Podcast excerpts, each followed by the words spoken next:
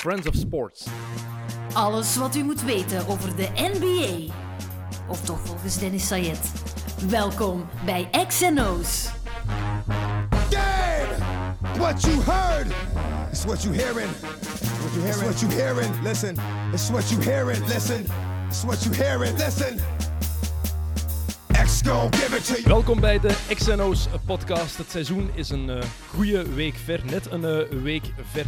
En er is al heel veel gebeurd. Heel veel om over te praten. Te veel zelfs, alhoewel kan dat eigenlijk wel eh, in de NBA. Eh, we nemen dit op op woensdag 30 oktober. Dus als jullie dit op donderdag of vrijdag luisteren, dan weten jullie tot waar wij hebben kunnen kijken. En wij, dat zijn ikzelf en Lorenz Dries, YouTube-fenomeen. Mag ik jou zo aanspreken? YouTube-fenomeen? Absoluut, absoluut. Voor de mensen die jou niet kennen, beschrijf eens wat jij doet. Ehm, YouTuber, motivational speaker. Je kan me vinden op YouTube onder Benzo, dat is B-E-N-Z-O. Ehm, levensgenieter. Eh, ik probeer mensen iets bij te brengen, te inspireren. Maar ook vooral enorme NBA-freak en enthousiast. Ball is life. Voilà, als, de mensen, als jullie iets willen weten, eh, zoek zijn account op op eh, YouTube. want wij gaan het hier over basketbal hebben, dat is het belangrijkste. Ik Natuurlijk, hoop als ze willen weten wat jij doet, waar jij voor staat, moeten ze je maar verder opzoeken. We gaan het over de NBA hebben. Waar komt jouw voorliefde voor de mooiste competitie van de wereld vandaan? Ik zal het nooit niet vergeten. De eerste keer dat ik NBA basketbal zag was de infamous finals tussen Iverson en de Lakers. 2001. En, ja, die beelden zijn er gewoon bijgebleven. Ik was al aan, aan het basketballen zelf daarvoor. Mhm. Dus ik keek af en toe al, al matchen. Mijn nichtje had Canal Plus. En zij nam dan die matches s'nachts op. En dan kreeg ik die, die drie weken later op videoband. En zo kon ik dan kijken naar de NBA. Maar toen ik, de, toen ik Iverson zag... Ja, dat is gewoon een, een soort van generationele speler die echt een, een, een soort van... Hij was voor mij een superheld. De dingen die hij deed, het, het leek niet geen basketbal. Het was Ja. iets anders. Dat dan- hoor je bij veel mensen, dat Iverson ja. echt zo... eh, Ik weet niet, van welk, van welk jaar ben jij? 88. Van 88. Inderdaad, mensen van eind jaren 80, begin jaren 90 is het echt Iverson die voor die liefde heel vaak heeft gezorgd. En bij mij was het Michael Jordan, bij anderen is het, is het Kobe en Iverson en Shaq, die combinatie. Maar vooral Iverson, dat hij zoveel gedaan heeft voor, niet alleen voor het spelletje, maar vooral voor de cultuur van het basketbal Ja. ook. Hè? gewoon transcendent, zoals ze in het Engels zeggen. Voor mij was het nooit Jor- Jordan. Ik weet nog dat ik naar de Decathlon- ging om mijn eerste shirtje te kopen. En dan hing daar Jordan 23 en ik had er geen... Maar dat was bij de Wizards toen. Hè? Ja, Dus voilà, dat telt al in- niet. In, Decathlon hadden ze de Wizard shirts. Ja, het is enkel nog die rode Bill shirts van drie jaar geleden. Uh, dan Champion, je weet wel. En ik had, ik had die finals nooit gezien. Ik heb die match tegen de Utah Jazz niet gezien. Ik heb uiteraard die allemaal wel ingehaald, maar dat is niet het- hetzelfde Mhm. als je niet leest hoe het gebeurt. Voor mij was het echt toen, ja, gewoon... Ik weet het nog heel goed, de Lakers waren onderslagen in de playoffs. Ze waren deze ongelooflijke geoliede machines. Ze kwamen al van een ring tegen de Pacers het jaar Mhm. ervoor. Dus ze gingen gewoon sweepen. En dan die eerste game overtime tegen de Philadelphia Sixers.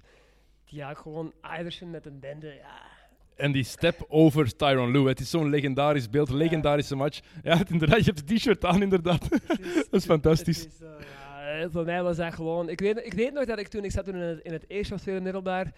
En dan hadden we... Soms hadden we dan zogezegd de studie, noemden ze dat. Ja. Dat de leerkracht nu kwam opdagen. En ik had dan die video bij van, van Iverson in de finale. En dan, ja, natuurlijk, niemand kende NBA basketbal. En dan zetten we die op. En zelfs toen, al, al op ons 13 jaar, toen zagen ook de jongens en meisjes in de klas van dat is iets speciaal. Ja, ja. Dat is iets, ja, zoveel flair, zoveel swagger, zoveel, ja, zoveel meer dan sport gewoon, Iverson. Fantastische speler, echt waar. Maar je was zelf ook al aan het basketten toen Ja. je dat hebt ontdekt. Ja, ja, ja, ja. ja. Dus je bent zelf eerst beginnen basketten en dan heb je pas de NBA Ja, echt eh, leren kennen. Ja, gewoon omdat ik wil weten wie is. Dus ik, ging een, een, een, ik moest een shirtje kopen voor mijn training. En ik wil weten, ja, wie is dat? Mijn allereerste shirtje was van Reggie Miller. Oei, oei, oei.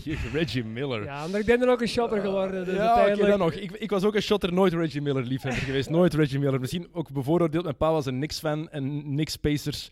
Thuis werd heel veel haat Ja, tegen... ja, en ik was, een, ik was dan een Bulls-fan als jonge gast en dat ging ook niet... ai, we hebben die altijd een pak gegeven, dus... Ja, ik, vind Reggie Miller ook vandaag nog in zijn hedendaagse rol als analist een van de meest irritante Oh, mensen. vreselijk? Ik vind hem zo ongelooflijk nerdy. Maar hij zegt ook gewoon dingen die vaak niet kloppen. Hij zegt dingen dat je denkt van... Reggie, Ja. ja, ik vind ook altijd een onnozel beeld, even negatief, maar wat, eh, als de, de scheidsrechters iets komen uitleggen aan de commentatoren, Miller is altijd te geïnteresseerd in wat de ref wil zeggen. Zo, het, is zo te, het is te fake. Nee, het is... Nee. Hij, hij is, hij is zo'n beetje, hij is die jongen in de klas die je gaat verklikken bij de leerkracht. Ja, en ik, ik had mezelf voorgenomen, ik ga me op de podcast, ik ga mijn best doen om niet als een arrogante klootzak over te komen. Maar telkens, telkens als ik Reggie zie, dan denk ik, je kan misschien, je- je, je bent een NBA All-Star, Hall of Fame, maar cool kan je niet leren. Ja, Het was wel jouw eerste shirt. Ja, omdat ik, wegens, wegens pure ignorance, ik wist het niet, ik wist het niet, dus vergeef me. Eh, maar sindsdien dus de NBA op de voet beginnen en blijven volgen. Ja, ja, ja. Dan heb ik even een periode gehad dat ik het minder volgde. En dan ben ik er eigenlijk terug helemaal in beland, circa het, ja, toen Kobe zijn tweede championships run begon te doen. Toen ben ik, en dan ben ik eigenlijk geconverteerd naar een Laker-fan. En- Oei, oei, ja, een Lakers-fan. Verschrikkelijk, ik weet het. ja, het, is, het is als een Real Madrid-fan. Ja, ja, gewoon. het, het ergste dat je kan zijn. Van Iverson-liefhebber ga- naar Lakers-fan gaan. Ja, mamba mentality. Oh. Ik, ik hou van, ik hou van Kobe. Kijk, hè, mentality, wat daar mis mee is. Het één keer zeggen, je, jezelf een bijnaam geven is belachelijk. Dat is echt, een bijnaam krijg je. Shaquille O'Neal mocht dat doen omdat hij er een running gag van maakte. Overal had hij een nieuwe bijnaam, dus dan was het grappig. Kobe heeft zich serieus de Black Mamba genoemd omdat hij dat in Kill Bill gezien had. Come on, sorry, maar dat maakt u zo fake, hè. Zo, ik vind dat zo belachelijk, hè. Je krijgt een bijnaam. Je krijgt dat.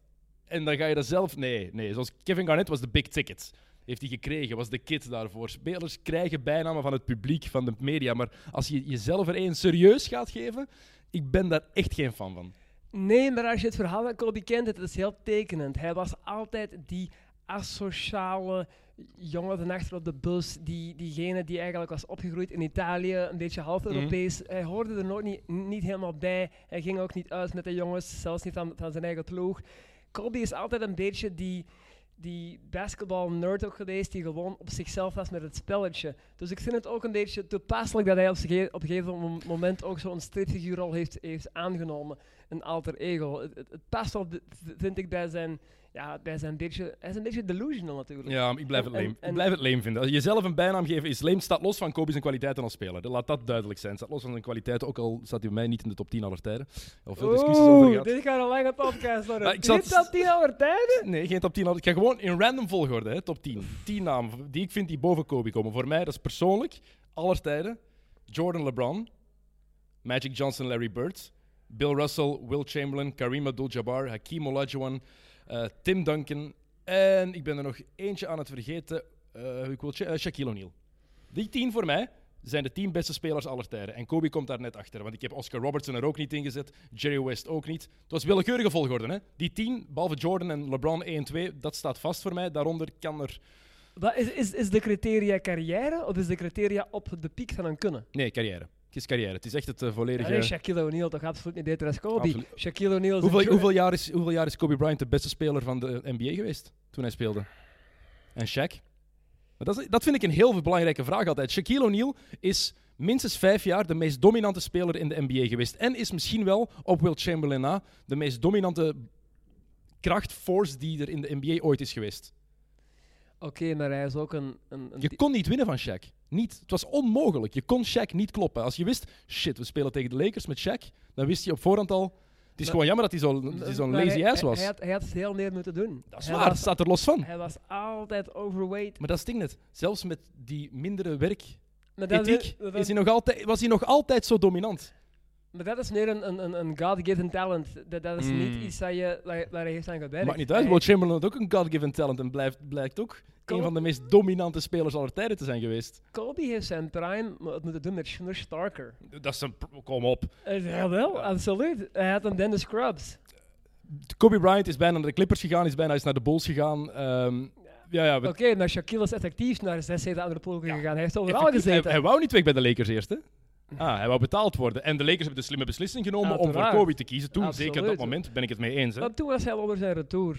Dat, laatste, dat eerste jaar bij Miami was nog knap gedaan, maar daarna was het gewoon gedaan. tweede jaar hebben ze de titel gewonnen daar. Eerste jaar hebben ze de titel niet gepakt. Ja, ik juist. vind, ja, ik vind eh, Shaq... En iedereen vergeet Shaq bij Orlando, hè?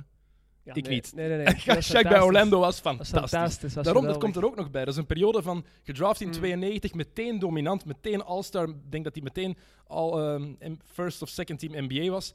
En die prime is geëindigd in 2006 eigenlijk. Toen ze de titel met Miami hebben gewonnen. Dat is 14 Ja, jaar, en hè? toen, En toen was hij ook al echt toen werd hij ook al gecarried door Wade. toen- to rate, maar het wel vijf- was- nog altijd wel 25 en 12, denk ik, hè, in die finals. Of in die... Mm. Wade was de beste speler van die ploeg in de playoffs. Maar zonder Shaq hadden ze nooit zo goed, waren ze nooit zo goed geweest. Het was de invloed, de impact die Shaq ook op dat team had, die Wade mee naar een, een ander level heeft Ze ge- geloofden. Nee, maar ik, nee, ik vind het jammer dat ik ben super pro Shaq. Ik, ik hou van Shaq. ik wil hem helemaal niet. Ik vind, ja, het is ook straf dat jij zegt dat jij Shaq eruit pikt. Heel veel mensen pikken Hakim Olajuwon eruit. En ik word daar, daar word ik heel gek van. Ik ben een gigantische Olajuwon-fan. Voor mij de beste center aller tijden. Het voetenwerk is ongeëvenaard. Een van de beste verdedigers ooit. Wat die kon. Dat is de reden dat iedereen nu nog altijd raad wil van Hakim. hè. Maar als Jordan niet op pensioen gaat, dan spreekt niemand over Hakim. Want er Eh. zijn er geen twee ringen. Dat weet je niet. Dat kan je één niet weten. Want kijk nu naar de Warriors en naar LeBron. Het is afmattend om jaar na jaar proberen in de finals te geraken. Dus je weet nooit, bij die Bulls ging het ook ooit opgeraakt zijn. En ik ben een gigantische, misschien wel de, de grootste Jordan-fan die, die, die je kan zijn. Er is één ploeg die de Bulls niet lag. Houston Rockets. Ze hebben nooit tegen Ja. elkaar gespeeld in de, in, de, pil- in, de, in de finals. Maar in het reguliere seizoen was er één ploeg waar ze Ja. Voorbij geraakten. En het was altijd het Houston van Olajuwon. Mhm. Die finale had ik wel graag willen zien. Ja, Heel ook. graag. En ik denk dat de Rockets die hadden gewonnen. Voilà, tegen Jordan zeggen zoiets. Hier. Om- nee, ik kan gewoon nog, Ja, sorry. nog, nog, nog terugkomen op Kobe begint op 10. Ik ga erover nadenken en ik ga, ik ga, want ik, je hebt mij eigenlijk in een, in een nederlaag gelokt. Ik ben een, ik ben een gigantische Kobe fan. Had ik dat geweten, had ik al mijn argumenten voorbereid. Maar dan komen we nog aan terug. Ik heb het ook niet voorbereid. Hij is is, top 10 zonder het is twijfel. los uit de pols voor mij hoor. Maar voor mij is hij net geen top 10. En die 10 namen gaan nu niet veranderen. Er kan nog altijd iemand bij komen. Kobe gaat er niet meer in geraken. Die 10, voor mij zijn die quasi onaantastbaar. Voor mij. Maar dat is nog eens, dat is ook subjectief. Lijstjes zijn altijd subjectief. De ene mens vindt Lionel Messi de beste speler ter wereld. De andere zegt Cristiano Ronaldo. Ik zeg Johan Cruijff. Ik wil maar zeggen, het is, het is zo subjectief als de pest. Hè. Het enige waar we het allemaal over eens zijn, is dat Michael Jordan nummer 1 is. Voilà. Oké. Voilà. Dat, is- dat, vind ik een goede basis om de, om de podcast te starten. Oké, goed. ehm, het is de eerste keer dat ik mijn topics trouwens niet zelf heb moeten bepalen. Eh Lorenz heeft zelf wat onderwerpen doorgestuurd, wat heel handig is. Ehm, dus ja, je hebt wat dingen doorgestuurd. Ik heb ze hier gewoon willekeurige volgorde bij elkaar gezet. Maar ik denk dat het logisch is dat we beginnen met de ploeg die slechter is dan iedereen had verwacht. Al waren er heel veel mensen die dachten dat ze niet goed gingen zijn, maar dat het zo erg was. Ik had het niet, ik had het verwacht. Dat het zo erg zou zijn dat ze Absoluut. 145 punten per match tegen zouden krijgen, denk ik dat bijna niemand had, gezien, had eh, zien aankomen. hè. Want we Mm, hebben het over de Golden State Warriors, voor alle duidelijkheid. Ja, inderdaad. Ik was gewoon, ik was enorm blij. Ik had zoiets van, laat het nu maar eens zien, Steph Curry. Maar waar... Wow, nu maar eens zien. Want iedereen... De meest overschatte speler in de NBA. Dat is de grootste onzin die ik ooit gehoord heb. Absoluut. Dat is De de meest grootste... Nee, wat jij zegt nu, is de grootste onzin die ik ooit gehoord Nee, echt heb. waar, echt waar. Iets, iedereen vergeet het seizoen 2015, 16 en 14, 15. Hè? Iedereen vergeet het al. Want iedereen zegt nu, kijk, Kevin Durant is weg en hij kan het niet meer. Waar was Kevin Durant toen ze 73 matchen hadden gewonnen? Bij OKC. Waar was Kevin Durant het jaar ervoor? Ze hebben dat jaar Ja, geen ring gepakt. Ze hebben dat jaar geen ring gepakt. Ze hebben, ze hebben de jaren geen ring gepakt. Ze hebben Game 7 verloren. Met, wat was het, vier punten? Hebben ze die Game 7 verloren. Ze hebben Cleveland, een fantastisch Cleveland. Iedereen onderschat die ploeg. Daar word ik een beetje gek van. Iedereen onderschat hoe goed die ploeg van Cleveland toen was. Met Kyrie, met Kevin Love, Nee, nee, met LeBron, absoluut. met Tristan Thompson. Het was een fantastische fi- finals team. Het jaar daarna waren die trouwens nog beter. Maar Cleveland- Curry was, Curry was de leider van die ploeg. En Curry heeft ervoor gezorgd dat Golden State Golden State is kunnen zijn de laatste jaren. Hè. Dat komt niet door iemand anders. Clay Thompson. Zonder Curry Clay het- Thompson is de meest onderschatte speler. Begrijp je waar ik naartoe ga? Clay Thompson, meest onderschatte. Curry, meest onderschatte. Absoluut. En trouwens, die ring eh, dat ze hebben gepakt van Cleveland zonder KD had Cleveland ook altijd moeten pakken als Love en Carrie fit zijn. Dat weet je niet. Cleveland, ah, Want als, altijd. als Draymond Green geschorst geraakt in Game 5 van 2016. Ja, maar als je dat gaat zeggen, dan kan je zoveel teruggaan. Hè? Als Kevin Durant en Clay Thompson vorig jaar niet geblesseerd raken, dan wint Toronto de finals waarschijnlijk ook niet.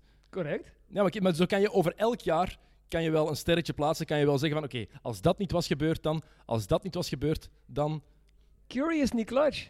Curry begint vreemde dingen te doen met de bal als het echt benauwd wordt. Dat hebben we al jaar na jaar in de playoffs gezien.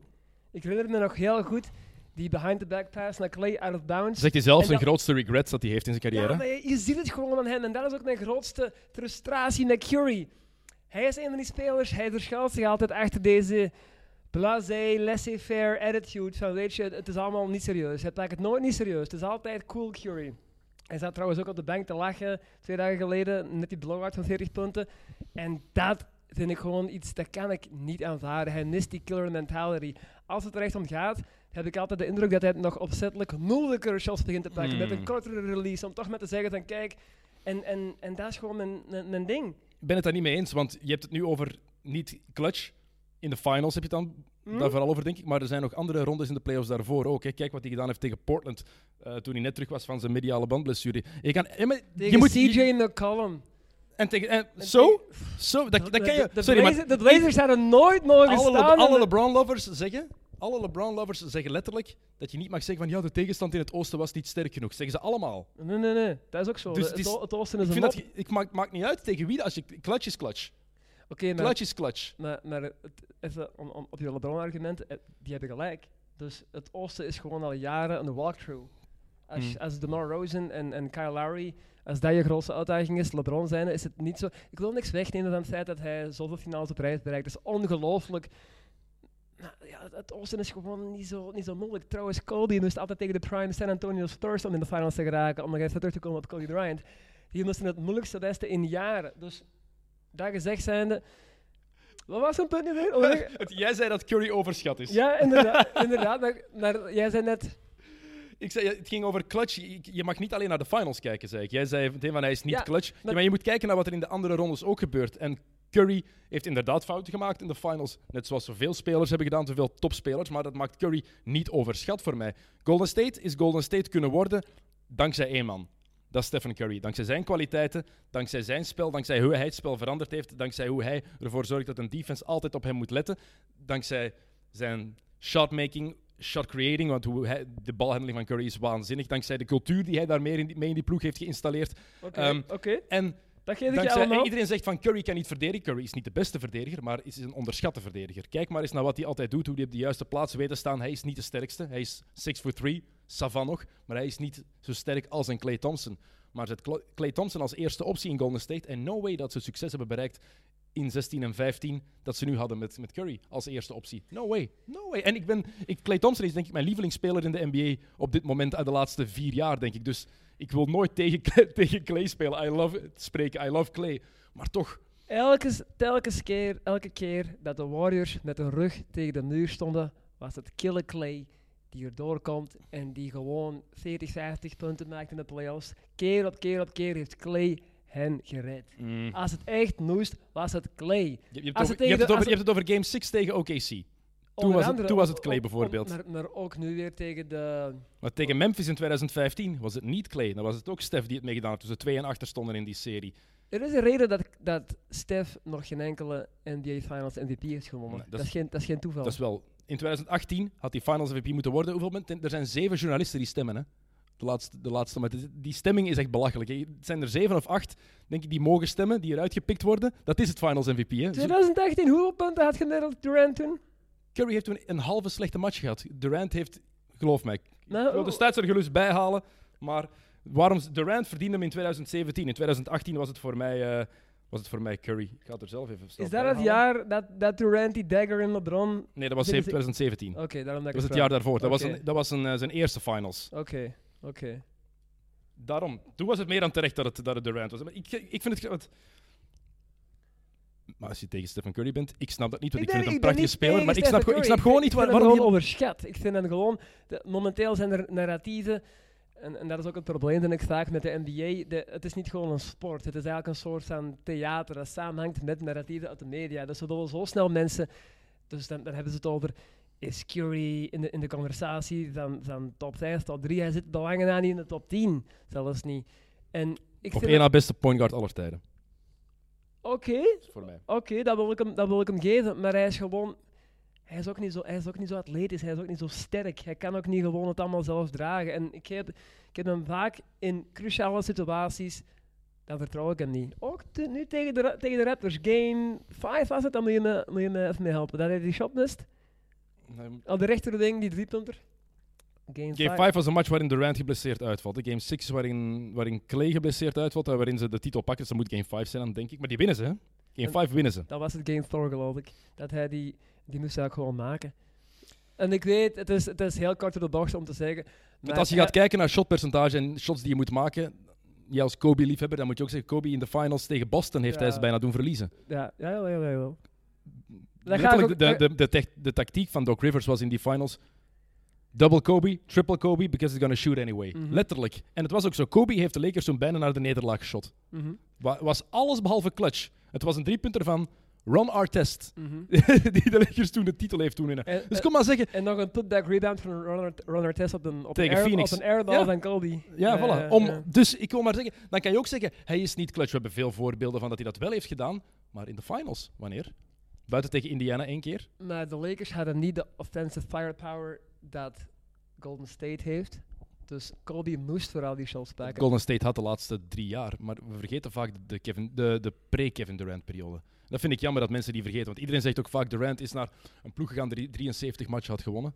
Voor mij is dat een andere ploeg. Was het een compleet ander team als je kijkt hoe die toen opgebouwd was. Met onder andere Leandro Barbosa, met Andrew Bogut. Maar die ploeg was rond Stephen Curry gebouwd. Stephen Curry en Klay Thompson, maar Curry als eerste optie. En ze zijn wel altijd in die finals geraakt. En dat is dankzij Curry. En daar blijf ik van overtuigd. En nu inderdaad, ze zijn nu 2 en 1. En die eerste twee matchen van dit seizoen, want daar gaat het natuurlijk over, over dit jaar, waren niet goed, waren vreselijk, waren vooral defensief vreselijk.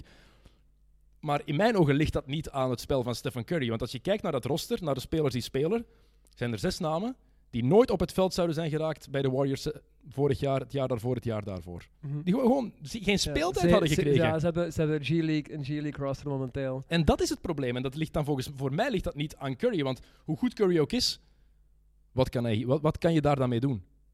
Zet Kobe in die ploeg, in zijn prime. Die zijn even slecht, hè?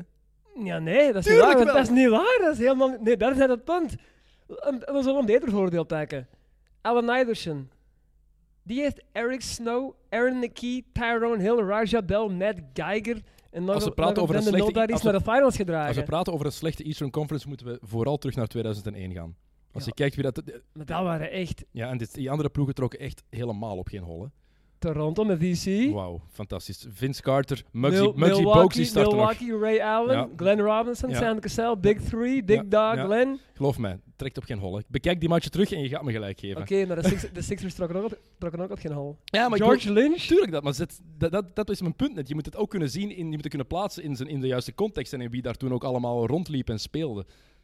En Iverson had toen inderdaad heeft die ploeg naar de finals geleid in een zwakke Eastern Conference. Hij had een heel slecht team, maar die, fin- die ploeg van Philadelphia is wel honderdduizend keer beter dan wat er nu bij Golden State rondloopt. D'Angelo Russell is duidelijk nog aan het zoeken.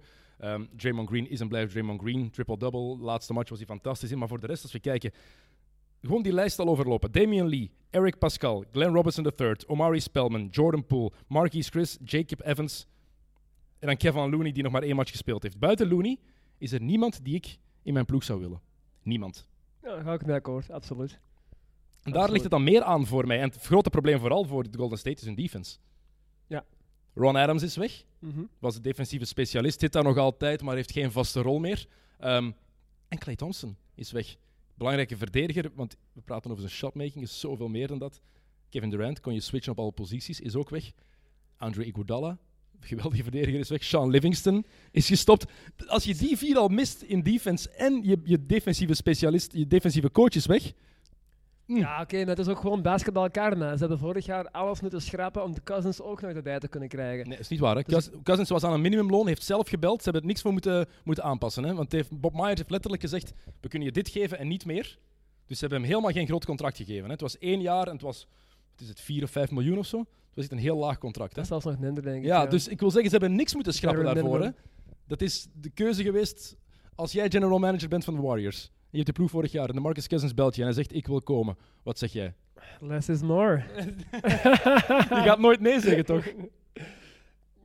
Waarschijnlijk niet. voilà, dat is het punt, dat bedoel ik. Maar gewoon om even te concluderen, ik ben geen Curry-hater. ik, vind hem, ik vind hem geweldig. Ik hou van het feit dat hij het spel heeft gerevolutioneerd. Maar laat, het, laat, me, laat me nu gewoon eens een beetje neerzien. Pak de boel op je rug.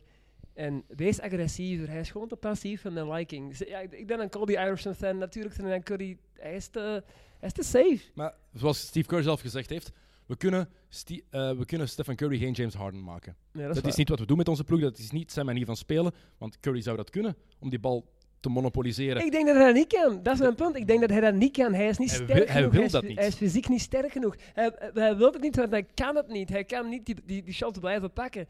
Hij, hij kan niet voor zichzelf zeggen van het, interesseert me niet dat ik de vorige tien heb gemist. Keep shooting the rock. Dat doet hij niet. Hij heeft die mentaliteit niet. Mamba mentality.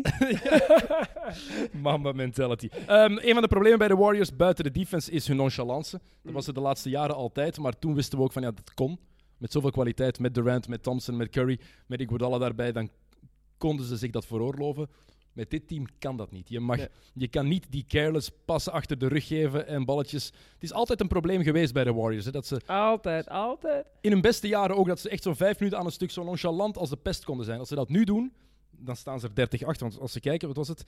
Tegen de Clippers 141 tegen. God, dat was pijnlijk. Tegen de Thunder 120 en nu tegen de Pelicans. Ze winnen, maar ze krijgen wel opnieuw 123 punten tegen. Hè. Ehm, dat hangt ook samen met nonchalance. Geen goede defense, maar ook too reckless play. Trouwens, over de Pelicans gesproken, want ik heb die wedstrijd helemaal gezien. Wat een bende millennials hebben ze daar bij elkaar ook gewoon. Ik kan, ik, oh, ongelooflijk. Josh Hart. Josh Hart is meer bezig met memes te maken op het plein dan te basketballen. heb, je, heb je de wedstrijd tegen Houston gezien? Ja, ik heb die... Hij was meer bezig met gekke dekken te trekken en, en hij probeerde Harden eigenlijk een beetje ja, uit te lachen. Just play the game. Wat ben je aan het doen? Hij was, hele tijd een eh, hij was eigenlijk de hele tijd een beetje... een- hij was niet met het spel bezig. Maar dat is ook gewoon typisch voor heel die generatie. Lanzo, Koes, Hart. Je ziet het gewoon allemaal. Ze zijn zo geobsedeerd door Instagram, social media. Alles is een brand. Ze gaan van, van één jaar geen tatoeages, het volgende jaar full sleeve, full alles. Dat is trouwens een goede video. Moet, moet je dat zou iemand, iemand moeten maken. De tattoo-evolutie van de jonge spelers. Ze komen in de leagues, hebben geen, geen, geen enkele tijd. En Was je geen Iverson-fan? ja, maar kijk, de Iverson, maar dat was, Iverson was authentiek. Het kwam vanuit zijn achtergrond. Het was wie hij was, een, een jongen van de straat. Lonzo Ball is opgegroeid in Chino Hills. In de, in de suburbs van, van Los Angeles. En dan, en dan zegt hij op een gegeven moment, oké, nu wil ik ook een harde jongen zijn. En dan gewoon dat hij als een soort van wallpaper, als een soort van applicatie, zichzelf volzetten. Ja, eh, Oké, we maken dus duidelijk de switch van de Warriors en Stephen Curry naar de Pelicans en Lonzo Ball. Heb ik, het, eh, ik heb het gevoel dat je het niet zo hebt voor de, de niet al te atletische, ook al is Lonzo Ball in mijn ogen een heel goede atleet, maar niet al te atletische point guards. Eh, Lonzo Ball is, is mijn grootste frustratie van de twee jaar. En ik zal, je, ik zal je zeggen waarom. Ik heb thuis een Lonzo Ball shirt Authentic bij Nike in mijn kast hangen. Heeft me veel te veel geld gekost. Van de van de Lakers. Ball, van de Lakers, nummer 2. LeVar Ball heeft mij 100% meegekregen. nee. Jawel, jawel. Dus ik ben, ik ben, ik ben gekletst, ik ben kwaad. Ik- Dus jij bent niet meer op het Lonzo eh, Ball Island. Ik heb twee jaar met hand en tand hen verdedigd. Mijn ogen dichtgegaan door al de slechte dingen die hij deed. En, en blijven zoeken naar argumenten om te zeggen nee, en dat komt er wel. Op een gegeven moment is gewoon, moet, moet je eerlijk zijn. Op een gegeven moment moet je zeggen, hoe vaak kan je een go-ahead pass geven en naar de hoek lopen? En dat is gewoon, Lonzo Ball, ze hebben het altijd over de intangibles. Het, het zijn de kleine dingen die je doet. Hij is te passief. En hij kan niet shotten, nog steeds niet. En als je niet kan shotten als point guard in de huidige NBA, dan kan je gewoon niet veel komen doen. Telkens hij een, een driepunter gooit, het is een heel Mary. Er zit, er, zit geen, er zit geen richting in. 36,7% van achter de driepuntlijn dit seizoen. Dit seizoen, oké, ja. Zijn shot is verbeterd, zijn shot is veranderd. Ja, ik, heb nog altijd, ik zit nog altijd op het strand eh, op Lonzo Ball Island. Lonzo, Ik heb er nog altijd een parasolletje. Mm. Ik zit daar rustig op mijn gemak. Ze komen mij een cocktail brengen, want oké, 0 en 4, de Pelicans dit jaar. Maar ik vind... Lonzo Ball is exact wat je, wat, wat, wat, je nu ziet. Hij gaat heel zijn leven, gaat hij gemiddeld 9 punten maken, 10 assists en nog 7 rebounds. Ja, oké, dat is niet slecht. Maar voor een tweede pick in dezelfde draft, als geloof ik als Jason Tatum, Mm. De'Aaron Fox, De'Aaron. Als Lakers, we hadden, we hadden die tweede pick. Die tweede pick was heel belangrijk voor ons. Ja, nee, hij is gewoon hij is een teleurstelling in mijn ogen. Natuurlijk, als hij, als hij de, de 27e pick was, fantastisch, Lonzo Ball, goed gedaan. Maar niet als tweede pick, niet met Maar die wat hype. verwacht je dan van hem? 25 punten en 10 assists per match dan? Want dat is nooit zijn spel. Het is echt, Mhm. Lonzo Ball is een pure point guard. Dit is echt nog eens een, pure, een pure spelverdeler. Mhm, Iemand mhm. die... Want iemand zegt va- meteen van ja, eh, de point guard moet de bal in zijn handen hebben. Bij Lonzo Ball is het tegenovergestelde. Hij loste meteen omdat hij meteen die aanval wil opstarten. Dat vind ik heel fijn om te zien. Het is iemand die effectief zijn ploeg wil laten spelen. En he couldn't care less about stats. En dat vind ik dan weer totaal niet millennial, om het zo te zeggen. Hij is echt True. zo iemand die de ploeg wil laten draaien. Een echte point guard. En is het altijd goed? Nee. Kan hij nog veel beter worden? Ja. Maar is nog altijd maar 21, hè? En dat vergeten we ook vaak. Die gast zou eigenlijk nu in zijn vierde jaar in college zitten, denk ik, in zijn laatste jaar. En hij zit nu al in zijn derde jaar in de NBA. Dit is een kerel voor in mijn ogen die nog heel veel groeimarge heeft. En ik geloof nog altijd in Lonzo Ball. Ik vind zijn vader een ongelooflijke idioot. Ik vind de manier waarop dat ze sommige dingen aanpakken ook belachelijk. Maar ik geloof nog altijd in Lonzo Ball. En het feit dat hij een echte pure point guard is, dat hij nu zijn shotpercentage wat omhoog eh, krijgt. eh, zijn, wat zijn zijn gemiddeldes? 13 punten per match, 7,3 assists. Die assists moeten omhoog, maar de ploeg draait daar gewoon nog niet goed genoeg duidelijk. Maar wacht tot Zion terugkomt. Waar zitten zijn free throw percentage? Wacht tot? Zion terugkomt. Ja. Ik denk dat die combinatie, als Zion fit raakt, komt let's niet hope terug. so. Let's hope so. Is al gedaan. Zion is nu al gedaan. De, mensen willen het gewoon niet zien. Opnieuw, narratieven. Mensen houden van narratieven en sprookjes. Wauw, hier hebben we een, een, een, eigenlijk een, een NFL footballplayer die nu in de NBA zit. Ja jongens, dat gaat gewoon niet werken. Hoe Nu- ga je dat gewicht op en neer de court krijgen? Dag en nacht, 82 games, en nog playoffs. Het gaat gewoon niet. Nee, eender welke dokter of kinesitherapeut dat je spreekt, ze zeggen allemaal hetzelfde. Hij moet minstens 15 kilo afvallen. Minstens. En het is al gebleken, dat kan hij gewoon niet. Hij is gewoon een big boy. Ik hou van Zion, maar it's over before it started. Ik hoop van niet. Ik hoop echt van niet. Ik heb er heel veel schrik voor, maar ik hoop dat het niet waar is, want het is echt een once-in-a-generation talent. Gewoon puur fysiek alleen al. Het is natuurlijk wel een feit. Er zijn maar twee spelers die meer wegen. En één daarvan is Boba Marjanovic, die 2 meter Ja. 24 of 23 of zo is. En de Eh, andere? Z- en Zion, jawel, ik ben aan het denken wie de andere is, maar ik kan er nu niet op komen. Was het niet de, de Ehm, Joker van de Nuggets ik misschien? nee, het was, nee, het was niet Jokic. Maar ik weet het zelfs niet, eh, niet zeker eh, wie het is. Maar Zion Williamson is ongeveer even groot als ik. Mhm. En als je dan 130 kilo weegt, dan is dat inderdaad... En vooral de manier van spelen. Ik heb het er met Rick Samay vorige keer ook over gehad. Als je zo'n high flyer bent, altijd die impact op je knie hebt. Hij komt ook gewoon slecht neer. hij, hij is ook gewoon, je ziet het, hij, hij speelt puur op instinct. Van- Wat, wat hem net zo mooi maakt om te zien. ja, maar ik vind, eh, eh, again, ik wil hier niet als de, de, de, de, hater overkomen, maar ik geloof gewoon niet, als ik, als ik als Zion Williams aandelen had, ik zou ze nooit kopen. Oké. Zo simpel is het. Ik hoop dat ik ongelijk heb. Ik hoop dat hij nog al die dingen kan worden dat we verwachten. Maar hij tart gewoon alle wetten van de fysica. Dus ik zie het niet gebeuren. Dus- Trouwens, je vroeg me wat verwacht je dan van Alonso Bal? Ja, Ik verwacht gewoon twee dingen. Lockdown D en leren shotten. Hoe kan je nu geen worp maken? Hij is- 75% dit jaar ja, oké, voorlopig. al Ja, oké, maar allemaal hey, het, ik weet het, is, Mm. alles is een short sample size nu. Het is- we zijn, we zijn hè. Dus we, alle conclusies die we nu trekken voor de mensen die thuis ook eens moeten weten, het is allemaal, het zijn heel early eh, conclusies, dat weet ik ook, maar ja, ik, ik, die- ploeg draait gewoon nog niet goed Hij genoeg. maar heeft toch geen mid-range game? Hij heeft geen mid-range game. Als hij een mid-range jumper pakt, het is gewoon... Het, Heeft- het ziet er niet uit. Heeft James Harden een midrange game? Absoluut.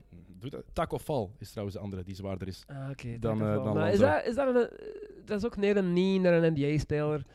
Hij heeft een two-way contract, dus het is een speler in de NBA. Hij heeft Hij een plaats een- bij de Celtics. Hij Dus had een hersenschudding. Hij was een, een concussion protocol geplaatst omdat hij tegen een laag plafond was gelopen.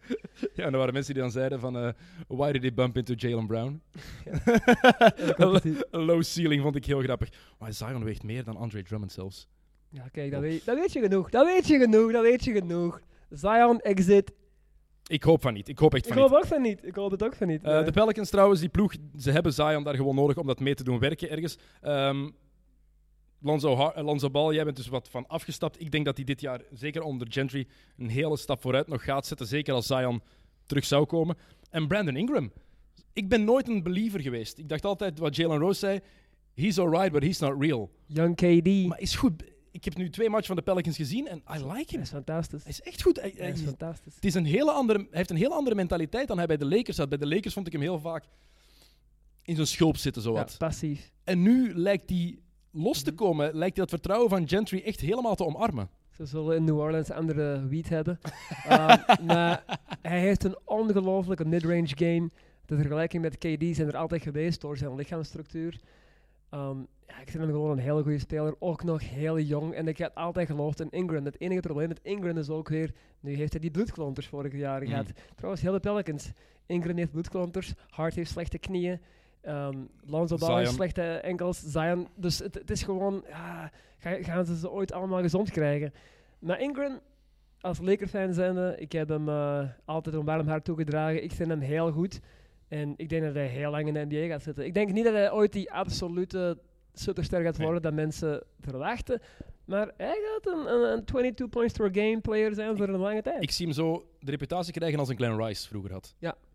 Hele goede small forward, all-star, bijna elk jaar all-star, maar toch niet bij de absolute top horen. Een perfecte derde optie voor een kampioenenploeg. Hey, ik, ging het ik, ik, ik, ik ging zeggen, ik zie hem ooit in de ring pakken als derde optie. Ja, echt, Dat- maar meer, dat- dat zie meer niet, meer niet. Nu zijn percentages dit jaar, als ja. je kijkt die cijfers. 27 punten per match, 9,5 rebounds, 4,8 assists, 1,5 blocks en 50% field goal percentage en 50% van achter drie. Hij gaat Dat is een, netjes hoor. hij gaat wat een Sean Marion rol hebben, zoals bij Dallas. Dan moet hij alleen Nee, beter verdedigen nog, want dat Ja. heeft hij nog niet. Nee, nee, nee. Oké, ehm, next team waar jij het even over wilde hebben. Ehm, next team, het volgende duo eigenlijk. Russell Westbrook en James Harden. De Houston Rockets. Ehm, ja, laat je gaan. Ja, oké, dus natuurlijk, je kan al inbeelden, ik ben een enorme Westbrook-fan. Voor mij de directe, na, de- hoe zeggen ze dat, nazaat van Kobe? De, de, de, de opvolging, dat is het woord dat ik zoek. Ja.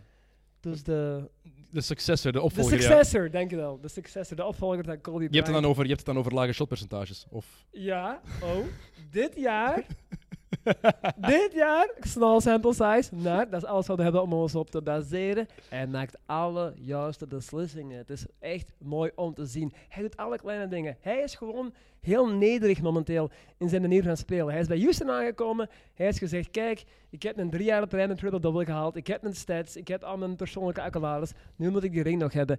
En je ziet het gewoon, oké, wat kan ik voor jullie doen? Rebounden, zal ik doen. Oké, ehm, heel veel energie brengen, hustle plays, zal ik doen. En je ziet gewoon heel dat team gaat erin nee. Hij heeft ook al een enorme goede samenwerking met PJ Tucker. Hoe vaak hij nu al heeft gedraaid in die kick-outs to the corner three voor PJ Tucker. Echt fantastisch om te zien. En hij, vroeger pakte hij altijd die ill-advised, die, die moeilijke driepunters die hij altijd miste. Dat lelijke jump shot van op de, van op de wing driepunter. Dat doet hij niet meer.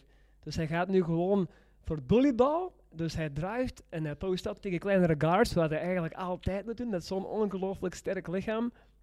Of hij gaat voor de assist play. Hij pakt nog heel weinig lange afstandsshots. En dat vind ik gewoon goed. gaat niet zo blijven hoor. Het blijft Russell Westbrook. Ik ben daar, Ja. ben daar heel, heel realistisch in. Westbrook is een van de meest indrukwekkende atleten die ik ooit heb zien spelen. Ja. Fenomenaal. Maar het is iemand met een laag basketbal-IQ. Al- Heeft hij gewoon bewezen in de afgelopen jaren. Elk jaar opnieuw. Wat is de reden dat OKC geen succes heeft gehaald? Het ligt niet alleen aan de coaches hoor. Het ligt ook aan- vooral aan Russell Westbrook en aan zijn slechte beslissingen. Nu, dit jaar voorlopig, de, vier, de drie matchen die ze vier matchen, drie matchen die ze Maar- gespeeld hebben. Ik ben even aan het twijfelen. Drie matchen zijn 2 en 1 eh, tot en met vandaag. Dan, de- in deze eerste drie matchen, heeft hij wel de juiste beslissingen genomen, inderdaad. Absoluut. Absoluut. Ik betwijfel alleen of ze dat gaan blijven volhouden. Want wat je nu ook ineens ziet. James Harden heeft, pas, heeft eergisteren een backdoor, backdoor cut gepakt. James Harden, die beweegt zonder bal. Ja, maar dat, is, Ja. dat zie je bijna nooit. En ik vraag me af of dat gaat blijven duren. Want het zijn en blijven twee gasten met serieuze ego's. En een enorme usage rate. Dus zij hebben normaal al. altijd de bal in hun Mhm. handen. En ze hebben normaal de bal 35 minuten vast. En nu hebben ze hem elk 20 minuten vast. Dus ze proberen nu nog allebei hetzelfde te doen in een kleinere timeframe. Bij Russell werkt het, want de goede wil is er ook. Harden is een beetje meer passief en hij gaat voor de shots. Hij zit momenteel aan een driepuntpercentage van 15%. Field goal percentage 28%, als ik me niet vergis. Dus ja, en de Rockets hebben drie wedstrijden gewonnen, één verloren. Dus als Harden nog een klein beetje begint in te passen in het systeem, de Houston Rockets gaan echt ver geraken, denk ik. Als ze gaan zo ver als het duel gaat, uiteraard. Weet je wat Houston gaat zijn? Een goed regular season team. Want ik hoorde het gisteren in, ik weet niet welke podcast het was. Ehm, ik denk dat het Ryan Russillo was eh, met eh, Adrian Wojnarowski. Je hebt 82 game players en je hebt 16 game players. En Hmm. 16 game players zijn er in de playoffs. James Harden en Russell Westbrook zijn geen 16 game players. Het zijn 82 game players. Allebei. Ja. Harden heeft dat de afgelopen jaren elke keer op keer bewezen. Elke keer is hij er doorgezakt in de playoffs. En niet alleen vorig jaar, waarin ze eigenlijk Game 6 van, ehm, van Golden State hadden moeten winnen. Het jaar ervoor, met de blessure van Ja. Chris Paul in Game 7. Ze missen 27 driepunters op rij. 27. James Harden Ja. is ge ge- gefaild. 2015 ehm, staan ze 3-1 voor tegen de Clippers. Mhm. Ehm, 3 3-1 achter wil ik zeggen tegen de Clippers. Komen ze terug, gaan ze door met James Harden op de bank in de conference finals. Niks tegen Golden State. En zo kunnen we nog wel wat meer voorbeelden aanhalen tegen eh, San Antonio. Dat die afgeblokt wordt door Ginobili Mhm. op zijn driepuntshot. En Westbrook is eigenlijk hetzelfde. Sinds Kevin Durant is weggegaan, is hier drie keer uitgevlogen in de eerste ronde. Zelfs met Paul George de voorbije twee jaar. Het eerste jaar is, was logisch, maar ook, dat komt voor een deel ook door zijn spel. En ik denk niet dat die twee samen die klik gaan kunnen maken. Ik denk dat het een heel leuk team wordt om in het reguliere seizoen te blijven zien. Dat ze dan zeker tegen de zwakkere ploegen helemaal. Ik denk dat dit een heel goed regular season en misschien wel eens een top 3 ploeg zou kunnen worden. Zeker na ze nu bezig te hebben gezien. Maar het is geen playoff team. Ik geloof in Russell Westbrook om twee redenen. Hij heeft nu twee zaken die hij nooit heeft gehad in heel zijn NBA-carrière. Een goede coach, shout-out naar Billy Donovan, en schuttersom om zich heen. Dus je heeft Mike D'Antoni een betere coach dan Billy Donovan. Absoluut, absoluut. Mike D'Antoni, proven succes. Alleen bij de Lakers was hij niet zo goed. Waar? Waar heeft hij het bewezen? Phoenix. Ja, hoeveel keer heeft hij daar de finals gehad? Oké, dat ze kwamen tegen Mamba Mentality. Oké, tegen maar je Kobe. kan niet zeggen proven succes. Billy Donovan, twee keer kampioen met Florida in college. Dat is ook proven succes. Ja, het is gewoon zo. Zijn track record is er ook.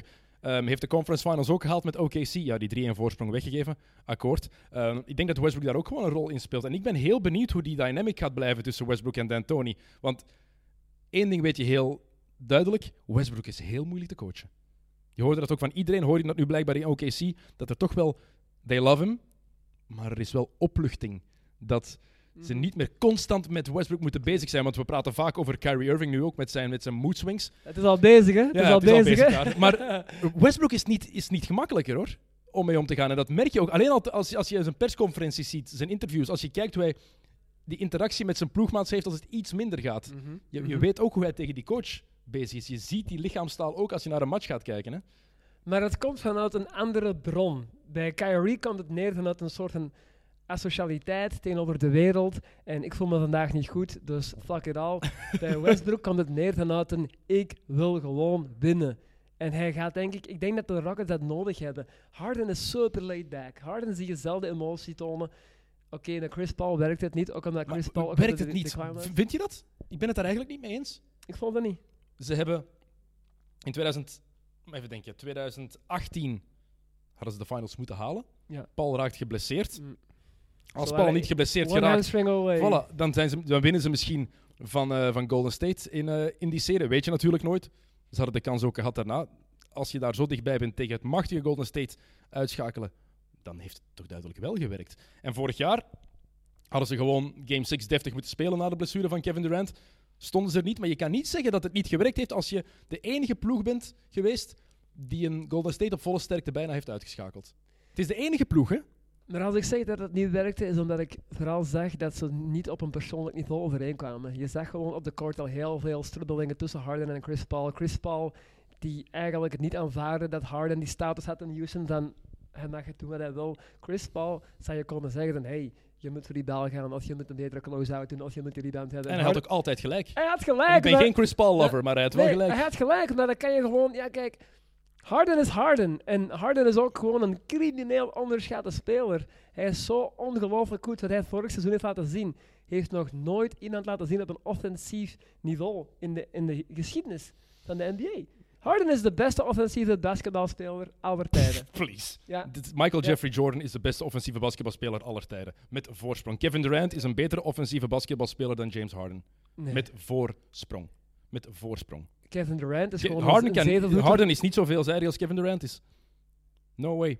No way. Noem- Harden, noem- is, drie ding, Harden, is drie punters en layups. Dat is James Harden.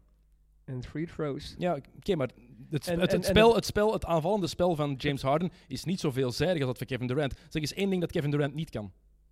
Er is niks. Oké, maar je kan Er is niks dat Kevin Durant in offense niet kan. Nee, maar Harden kan je gewoon ook niet stoppen. Ook al weet je wat hij gaat doen. Het maakt niet uit dat hij altijd Milwaukee heeft er nogthans bewezen dat ze hem wel kunnen stoppen. O- they overplay hem, geven hem helemaal aan zijn rechterkant. Oké, en dan staat er. Ze dwingen hem tot mid-range jumpers. En wat wil James Harden niet pakken? Mid-range jumpers. Waar is hij minder goed in? Mid-range jumpers. Doe dat eens bij Kevin Durant. Geef die eens die ruimte. Je hebt er 50, hè? Je hebt er 50 binnen. Dus daarom. Ik ben een enorme KD-fan, dus ik ga niet... Maar ik vind gewoon... Hij is waanzinnig. Laat duidelijk zijn, hij is een van de beste aanvallende spelers ooit. Hè? Maar is niet beter dan Kevin Durant offensief. En heb je het over deze generatie. Laat staan dat hij beter is dan Michael Jordan offensief. Nog in geen honderdduizend jaar dat hij nog maar in de buurt komt daarvan. Het is natuurlijk, we hebben Kevin Durant nog nooit in die positie gezien dan Harden. Van gewoon een team zonder een tweede ster. En dan doe maar. Kijk, die heeft altijd iemand gehad. Maar, Dus we kunnen... maar Harden had vorig jaar Paul natuurlijk ook. Hè. Dat is ook een tweede ster. Hè. Oké, maar, maar, Maar, dat is, dat is, maar het ding is, ik denk dat het meer te maken heeft, niet te maken heeft met, met wie hij omringd is, maar wel met de, de speelstijl. Met hoe je coach wil dat je speelt. En bij Houston was het de afgelopen twee jaar, James, hier is de bal. En doe alles maar alleen. Daarom dat is een reden dat ik niet graag naar Houston keek, omdat je weet, ja, Harden gaat twintig keer door zijn benen dribbelen. En that's it. En ik denk dat dat vooral het verschil is. Dat die, dat die mentaliteit, dat die manier van een spelletje aan te pakken helemaal anders is, denk ik. dat is een goed punt. Dat is een goed punt. Ehm, de Rockets die moeten wel de titel pakken de komende jaren. De komende drie jaar. Het is eigenlijk verplicht. Ze hebben twee first-round picks opgegeven, maar ook twee, twee pick swaps. Mhm. En vraag maar aan de Nets hoe dat voelt. Hè. Dat, is, dat, is niet, dat is niet handig. Die pick swaps, dat ziet er allemaal oké uit, maar ehm, je kan zomaar ineens pick 2 kwijt zijn en 27 krijgen, bijvoorbeeld. Dus Ja, het is ook, het is, ik, ik begrijp ook nog niet waarom dat die teams altijd ervan uitgaan dat de bal in hun potje gaat vallen. Zoals de Knicks, ze waren zeker dat ze de eerste pick gingen krijgen. En dan, ik had altijd zoiets van, mis ik iets? dan ga je kijken, ze hebben 13% kans. Dan denk ik, ja, maar ja. ja, trouwens, de Knicks hebben eigenlijk... Ze hebben gewonnen door te verloren, denk ik, met hun, met hun pick. Dat is een heel ander verhaal. Maar, eh, Binnenkort hebben we een podcast met drie Knicks-supporters. Echt waar, drie grote Knicks-fans. ehm, waarmee we gaan samenzitten. eh met Leender Derk eh, van VRT, met Imad Anouri normaal ook. En met Johannes Chenaar van School is School. Het zijn drie gigantische New hoe, York ben je, hoe, ben je een Knicks-fan? Hoe, hoe werkt dat? Dus die, die mensen zijn al... In Van in- vroeg, van de jaren negentig, toen de Knicks nog goed waren. Oh, Oké, ja. Of oké. Ja, ik. Er zijn drie, ja, drie mannen die inderdaad de Knicks al wel een warm hart toedroegen vroeger. Want tegenwoordig kan je er moeilijk fan Ja, van worden. KD, Kevin Durant heeft het onlangs nog vermeld. Hij zei ook van, kijk, de, die, heel die, die Knicks infamous, heel dat gevoel rond de Knicks is ook gewoon een ding puur in New York. Nobody cares about the Knicks. de Knicks zijn niet relevant al twintig jaar. En die hebben de slechtste owner in de geschiedenis van, van basketbal. Robert Sarver van de Suns mogen we niet onderschatten. Hè. Pas op. Ja, de de Suns-eigenaar Sun- die komt Suns echt wel in de buurt hoor. De Die- Suns is ook gewoon een, ja. En dan het mooie aan de Suns is, kijk, deze jaar, ze hebben, al, ze hebben goede spelers. En ze gaan gewoon ook nog altijd slecht blijven. Ik heb zo het gevoel dat ze... Ze hadden dan de, de eerste pick, Andre... pick- Ayton. Die, Ayton.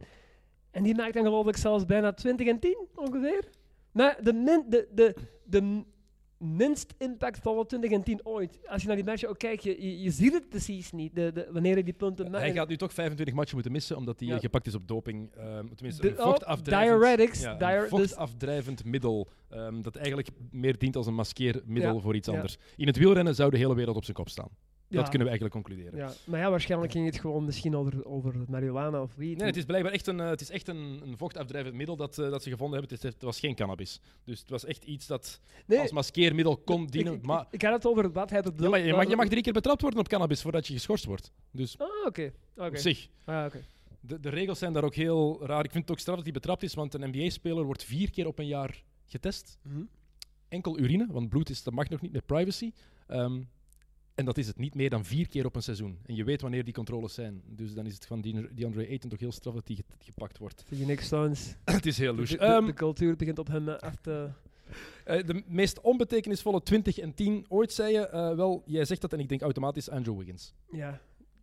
Akkoord. de, de, de beste trade die Le GM ooit heeft gedaan. Ik weet nog heel goed toen, Le hij, GM, mooi. toen, hij, toen hij Wiggins ehm, uit eh, Cleveland stampte om Love binnen te halen. Iedereen stond op de banken te schreeuwen. Wat doe je nu?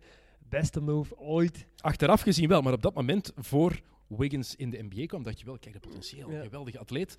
Ziet eruit als iemand die goed kan verdedigen. Maar blijkbaar speelt hij gewoon niet graag genoeg basketbal. Ja, en, en, en de tweede prospect van het jaar was Jabari Parker. En waar zit hij nu? Dus ik kon maar zeggen, Atlanta. ja, Dan denk je wie de drie- nummer drie toen was. Joel Embiid. Ja, ja, ja, die heeft ook twee jaar gewoon uitgezeten. Dus ja, maar ja, ja. kijk wat het nu is. Kijk wat het nu is. Joel Embiid. ehm, Joel Embiid is ook, ja. van die drie, weet je wel wie je nu zou moeten kiezen. Maar Joel, Embiid moet dringend wat, wat minder shotten en wat meer center spelen. Maar ehm, Andrew Wiggins dus. Andrew, Andrew Wiggins, ja, hij is gewoon... Ik blijf het zelfs zo zeggen, maar je ziet ook als hij, als hij speelt, hij is soft. Hij, hij, hij gaat, is going through the motion. En hij zal af en toe wel 30, 40 punten maken als hij wat shotjes, shotjes kan pakken. Maar er zit geen dog in hem, er zit geen, Mhm. geen, geen, geen vechter in. hij is ook volgens mij, ik, heb- ik heb ook al gehoord eh, op een andere podcast, dat hij blijkbaar heel licht is. Dus qua defense is hij gewoon heel eenvoudig aan, aan de kant te zetten. Ik heb nooit tegen hem gespeeld, dus ik kan het niet bevestigen. Maar ik vind dat je dat ziet. Ja. En, en, en dat zie je ook met Carl Anthony Towns. Carl Anthony Towns had, had eh, twee dagen geleden wat, 40 punten of zo. Zeven en, wat, ik ben hier Ja. uit zeven, eh, 36 en 14 Ja. en 37 en 15. Maar, maar, maar, maar hij is zeven driepunters wel. Zeven driepunters. Kat, je moet niet... Dat, is een probleem met al die mannen. En ik, en ik hou van, van de grote shooters. Maar jij moet geen 9, 10 of, of, of 11 driepunters pakken op een match. Jij, bent, jij moet inside Ik denk gaan. dat je over, over Towns kunnen we voorlopig niks verkeerd zeggen. Die is zo goed aan het seizoen begonnen. Die zijn statistieken zijn waanzinnig. Ik denk als we die percentages daar even, daar even bij nemen. Hij, gaat nooit, hij gaat nooit met die speelstijl een ring winnen. Hij gaat nooit succes, su- succes hebben in de playoffs. Maar om terug te komen op Ze moeten, Wiggins... ze moeten eerst de playoffs halen Minnesota Ja. dit jaar. En dat is al iets dat niet echt eh, het geval gaat zijn dit seizoen. Als we kijken, voorlopig heeft hij dit seizoen eh 32 punten gemiddeld, 13,3 rebounds. Shot hij 52% van zijn driepunters binnen en bijna 53% field goal in het algemeen. Het zijn waanzinnige Ja. cijfers. Ehm, er zijn ook 3 en 0. De Timberwolves en Andrew Wiggins heeft zijn ene goede match gehad tegen de Miami Heat. Was hij fantastisch. Wiggins 25 punten heeft hij op een gegeven moment 11 punten op rij gescoord en iedereen werd helemaal gek. Ja. Maar mensen vergeten, Andrew Wiggins heeft elk jaar een paar van die matchen waarin Ja. je denkt, oh, kijk. Maar eigenlijk is dit gewoon Jeff Green 2.0. Ja, absoluut. Absoluut. Eh, En, en dat is exact wat je, wat, je, wat je hem gaat krijgen voor de volgende tien jaar. Af en toe een ongelofelijke prestatie, een offensive clinic. En dan de volgende match gewoon 13 punten. Hij heeft eh, een max contract getekend, was het twee jaar geleden, denk ik. En Ja. de eigenaar Glenn Taylor die heeft toen letterlijk gevraagd: kijk me in de ogen en zeg me dat je ehm, altijd hard gaat spelen, dat je eh, gaat knokken. Als je dat moet zeggen aan een speler, net voordat je die meer dan 120 miljoen dollar extra geeft, dan weet je al dat er iets mis is. Hè? Ja. Als je dat als eigenaar al moet zeggen aan een speler, kijk me in de ogen en beloof me dat je je best gaat doen, alsjeblieft. Ja, sorry, maar dat zegt toch alles over hoe Andrew Wiggins is. En dat is heel erg omdat Minnesota als een small market gewoon ook geen andere keuze heeft. Ze moeten ook die jongens houden, net zoals Sacramento, 109 miljoen op tafel leggen voor Buddy Hield. Ah, Die jongens verdienen dat geld niet, maar die hebben geen keuze, die small markets. Dus ze moeten. Wiggins houden, ze moeten die... Nee, Carl Anthony Towns, excuseer, excuseer, die bedoel ik niet. Die- natuurlijk moeten ze die houden, die is gewoon supergoed. Um, maar ik denk wel dat Carl Anthony Towns in combinatie met... Waarom is het niet gelukt met Jimmy Butler? Omdat Jimmy Butler er gewoon is aangekomen en heeft gezegd... Hé hey, jongens, Ja. wat zijn jullie aan het doen? Je snapt dat hij gefrustreerd was. Je snapt het Natuurlijk, helemaal. Ja. Natuurlijk. Hij, hij komt er gewoon aan en, en ja, ik, ik begrijp het helemaal. Ik begrijp het helemaal. Dus, Ik denk eh, wel dat Ryan Sanders daar wel de, de juiste man op de juiste plaats is. Zoon van voormalig coach Ja, Flip Sanders, die absoluut. overleden is. Je merkt ook, Carl Anthony Towns heeft een hele goede connectie Mhm. met Sanders. En ik denk als er één iemand is die Wiggins misschien er een beetje uit kan halen, dat hij het wel is. Ik geloof er niet helemaal in. Ehm, puur door de mentaliteit van Andrew Wiggins natuurlijk. Maar ik denk wel dat daar die cultuur op zich wel in een goede manier, op een goede manier aan het evolueren is.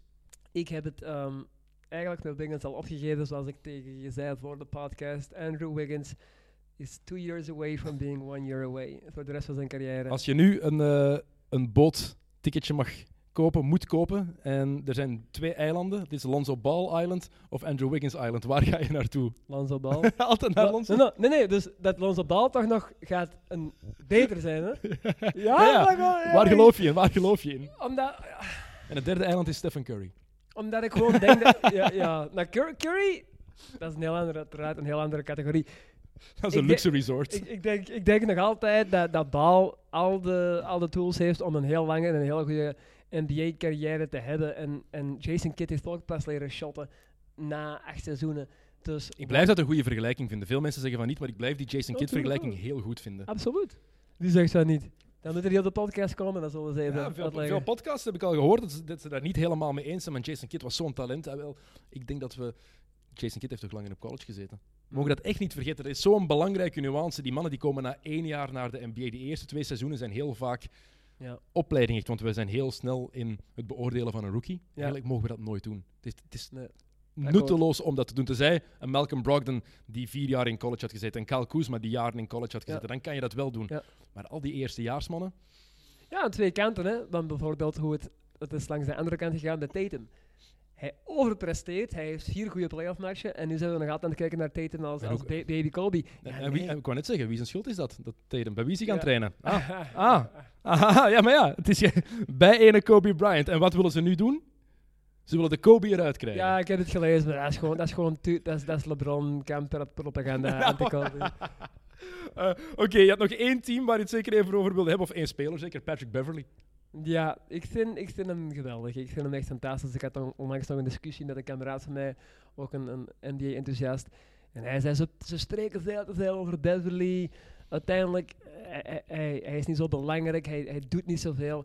Ik vind hem echt, hij is echt voor mij het, het, de verpersoonlijking van hoe je het spel kan beïnvloeden zonder de stats echt. En, en dan heb ik nu Lonzo Ball. Hij, hij, wordt echt ge- hij wordt echt gedreest. Hij wordt echt hoe hij tegen LeBron die, die, die defense aangaat, hoe hij die... Hij zit al voor de wedstrijd begint zitten in de kop van de tegenstander. En het is echt zo die eikel die je in je ploeg wil hebben, ja, maar waar je nooit tegen wil spelen. absoluut. Met slechte adem. Je ziet ook gewoon dat hij een slechte adem heeft. Dat zie je. Je kent die spelers die veel te dicht tegen jou komen leunen. Die constant ook zo zorgen dat je onder hun okselharen zit. Oh, verschrikkelijk. Ik haat hem ook, al- het ook altijd om tegen zo'n spelers te spelen vroeger. Ik Dus- kan niet garanderen dat ik nooit zo geweest ben Ja. op een veld. het, is, het, het zijn, het zijn tactieken die echt actief al werken. Zeker tegen finesse-spelers. ja, het is zo. En ja, ik, ik ben echt enorm, enorme fan van hem. Ik haatte hem toen hij Westbrook uh, blesseerde. Het was zijn, was zijn eerste playoff-wedstrijd ooit van Beverly toen zijn eerste jaar dat hij echt speelde. En het was, was nooit een bedoeling om die te blesseren natuurlijk, hè, maar het was echt een cheap play. het was cheap. Het was, ja, niet, niet, niet de bedoeling. Maar dat is wel de bedoeling dan als je zo'n play doet. Mm. Ja, je wilt physical zijn, je wilt hard zijn, maar je weet het risico dat je pakt. Dus, dat is hetzelfde als landen onder iemand die neerkomt. Ehm, je voet steken onder iemand die neerkomt. En als je dat juist staat in die zone. ehm Bruce Bowen had ook nooit de intentie om iemand te blesseren. Dat geloof ik niet. ja, nee, maar ik wilde zeggen, als je hem hoort spreken, hij was ook gewoon een, een hard physical, hard-nosed player. Ja, gewoon smerig. En dan weet je ook goed genoeg, zelf basketter zijnde, er zijn genoeg spelers die gewoon op die manier hun competitive advantage halen. Mm. En ze zullen nooit niet van plan zijn om je in het ziekenhuis te doen belanden. Maar uiteindelijk het is het al zo, als je, als je in een zekere richting gaat qua speelstijl, weet je wel wat de mogelijke consequenties kunnen zijn. Maar dat gezegd zijnde, ik ben een enorme, enorme Pat Beverly fan. Um, de Clippers zullen zo ver gaan als hij gaat. Um, want ik denk, ja, Kawhi, denk ik niet, is een echte leader. Hij gaat gewoon zijn ding doen. Hij gaat, hij Denk je dat? Ik denk dat we allemaal de leiderscapaciteiten van Kawhi een beetje onderschatten, omdat hij zo stil is. De hey, hey, hey, die fantastisch was trouwens. Ja. Die Blurred Lines rematch die ze meteen daarvan gemaakt hebben. Ah, echt zo, zo goed gevonden. Ehm, maar ik denk dat Kawhi een betere leider is dan wij allemaal denken. Het zegt genoeg als je kijkt naar hoe geliefd hij is bij, bij al zijn ploegmaats, overal waar, waar, hij, waar hij is geweest. Bij Toronto, everybody loves him. Oké, heeft ze natuurlijk de titel bezorgd, Ja. maar Ik denk, dat, ik denk dat hij low drama, low maintenance is. Ik denk dat hij een lead by example Ja, um, leader is. Maar hij gaat niet de, de, tegen de jongens de, de, de, de kleedkamer toespreken. Paul George gaat dat ook niet doen. Pretty boy Paul. Hij is ook gewoon daar om zijn 24 en, en, en 10 te halen. En dan denk ik dat je zo'n Pat Beverly wel nodig hebt. Die echt gewoon, ja... Het, het is ook, niemand gaat hem benijden, want hij gaat niet achter zijn stats achterna. Hij heeft ook minder geld ge- genomen zo, om bij de Clippers te kunnen blijven. Hij heeft aan Sacramento, had hij, had hij 15 miljoen meer kunnen verdienen. Natuurlijk, niemand wil in Sacramento gaan spelen. pas Dus op, pas op. Ja, ja. Het trekt nu op, op, geen, op geen hol voorlopig. Ik vond, ja, het, was een Ja. van mijn, het was een van mijn League Pass teams. Het wat Beverly, Ik ging net zeggen, de Kings waren ook zo'n ploeg waar iedereen... Oh, de Kings! Ze, ze kijk vorig jaar. En kijk naar die ploegen papier. De'Aaron Fox, Buddy Hield, ehm, Bogdan Bogdanovic. ehm, je hebt daar eh, Marvin Bagley als die weer fit is. Het is een, het is een leuk team, een leuk geheel. Het komt er, het komt er gewoon nog eh, totaal niet uit. Eh, Beverly, het is de verbale leider. Het is de heart and soul van de Clippers. Ehm, en je hebt zo iemand echt nodig in je ploeg. Iemand die er ook voor kan zorgen. Want dit is het eerste jaar dat ze voor de titel echt gaan. Dus dan is er nog altijd die, die mentaliteit. Maar het is gebleken bij Golden State bijvoorbeeld. Afgelopen jaar bij Miami was het ook al. Het is moeilijk om dat jaar na jaar te hebben. Dat vuur. Draymond Green zorgde daarvoor bij Golden State. En Patrick Beverly gaat het doen, maar op een nog hoger niveau, denk ik, bij de Clippers. Hij gaat voor nog meer enthousiasme en vuur blijven zorgen. En los daarvan is het ook nog eens een keigoede verdediger. Het is gewoon echt een hele goede man-to-man verdediger. Lockdown D, Alcatraz. ehm, hij Terwijl je dat, en als je dat in die ploeg hebt, in zo'n goede defensieve ploeg, ik vind de Clippers fantastisch. Echt. Ja, ik ben een Lakers fan, dus ik mag het niet zeggen. Ja, Je moet het objectief zien, hè? Daar, het, is, het is eh, de waarheid toch gewoon. ja, ze, zijn, Clippers. ze zijn momenteel het betere team in LA. Ik ben gewoon vrij zeker dat het wel Paul George een schouderblessure gaat hebben, zoals elk jaar. Ofwel gaat Kawhi. Ik denk gewoon niet dat ze gezond gaan zijn in de playoffs. Of ze moeten serieuze load management doen door het seizoen. Ehm, ik denk dat het minder uitmaakt bij de Clippers. Ik denk dat ze daar meer load management kunnen doen, omdat de ploeg gewoon veel, die, veel dieper is. Die ploeg is veel sterker in de breedte als je het vergelijkt met de Lakers bijvoorbeeld. De Lakers hebben, zijn heel top-heavy natuurlijk Mhm. met LeBron en met, eh, met Anthony Davis. Kyle Kuzma is nog geblesseerd, maar alles gaat door die twee. Als je daar load management gaat doen, gaat de ploeg veel harder afzien, denk ik, dan de Clippers. Twee dingen. Ik denk niet dat de Clippers ooit een ring kunnen pakken als Kawhi geblesseerd is. No way. Met Paul George win je geen ring. En het Dat is logisch. tweede punt is, ehm, ik denk dat LeBron heel het seizoen een beetje Le Magic kan spelen, een beetje point guard, een beetje passief. Ehm, Anthony Davis zijn stats gunnen, zodat Davis zeker blijft, zich goed voelt. Maar Davis Maar gaat sowieso in- blijven. We zullen zien. We Nou, zullen- kom op. No way. Dat is al lang onder de tafel afgesproken. Ja, dat, dat, dat, dat, dat weet ik niet. Dat, Vrij- dat- vrij- ik, Kom maar, je gaat niet zoveel opgeven ik vind... zonder dat je weet dat hij blijft.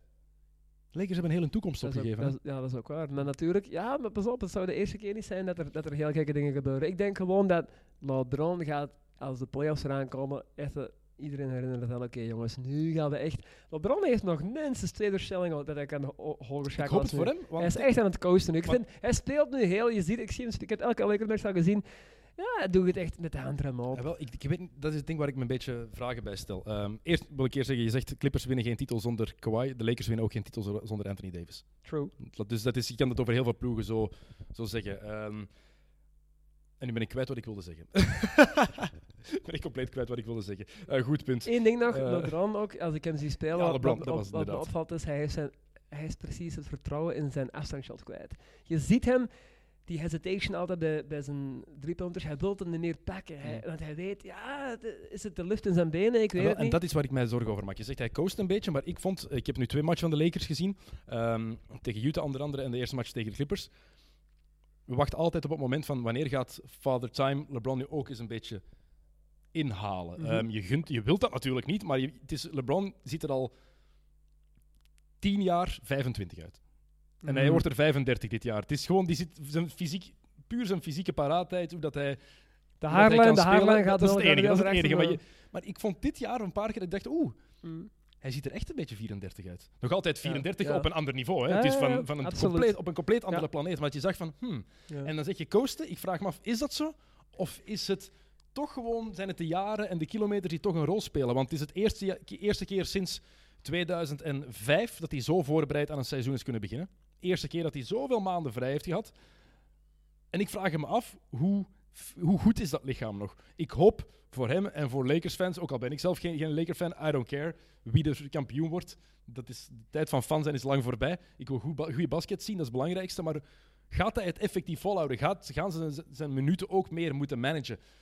En het is nu heel duidelijk, de Lakers hebben LeBron en, en AD, dat alles draait langs die twee. Ze hebben die mannen zo hard nodig. En misschien nog meer dan we gedacht hadden voor het seizoen begon. Gelukkig heeft Anthony Davis nu ook beslist dat hij waarschijnlijk meer center gaat willen spelen, want Dwight Howard en JaVale McGee, met alle respect, eh, stop daar gewoon mee. Hè. Echt.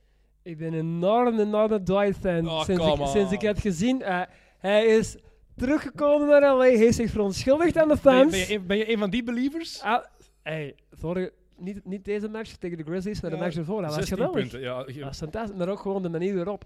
Heb je Bill Simmons gehoord over Dwight Howard? Nee, dat, Ja. Bill Simmons. Bill is- Simmons is, van, Bill Simmons is fantastisch. Ja, maar hij is een homer. Hij is een, gewoon een Boston Celtic, super subjectief. Ik, ik neem Bill Simmons niet serieus. Ja, ik Echt wel. niet. Absoluut nee, wel. nee, nee. Absoluut wel. Want wat hij over Dwight Howard zei is ook gewoon hoe, ziet, hoe, hoe dat hij er nu uitziet.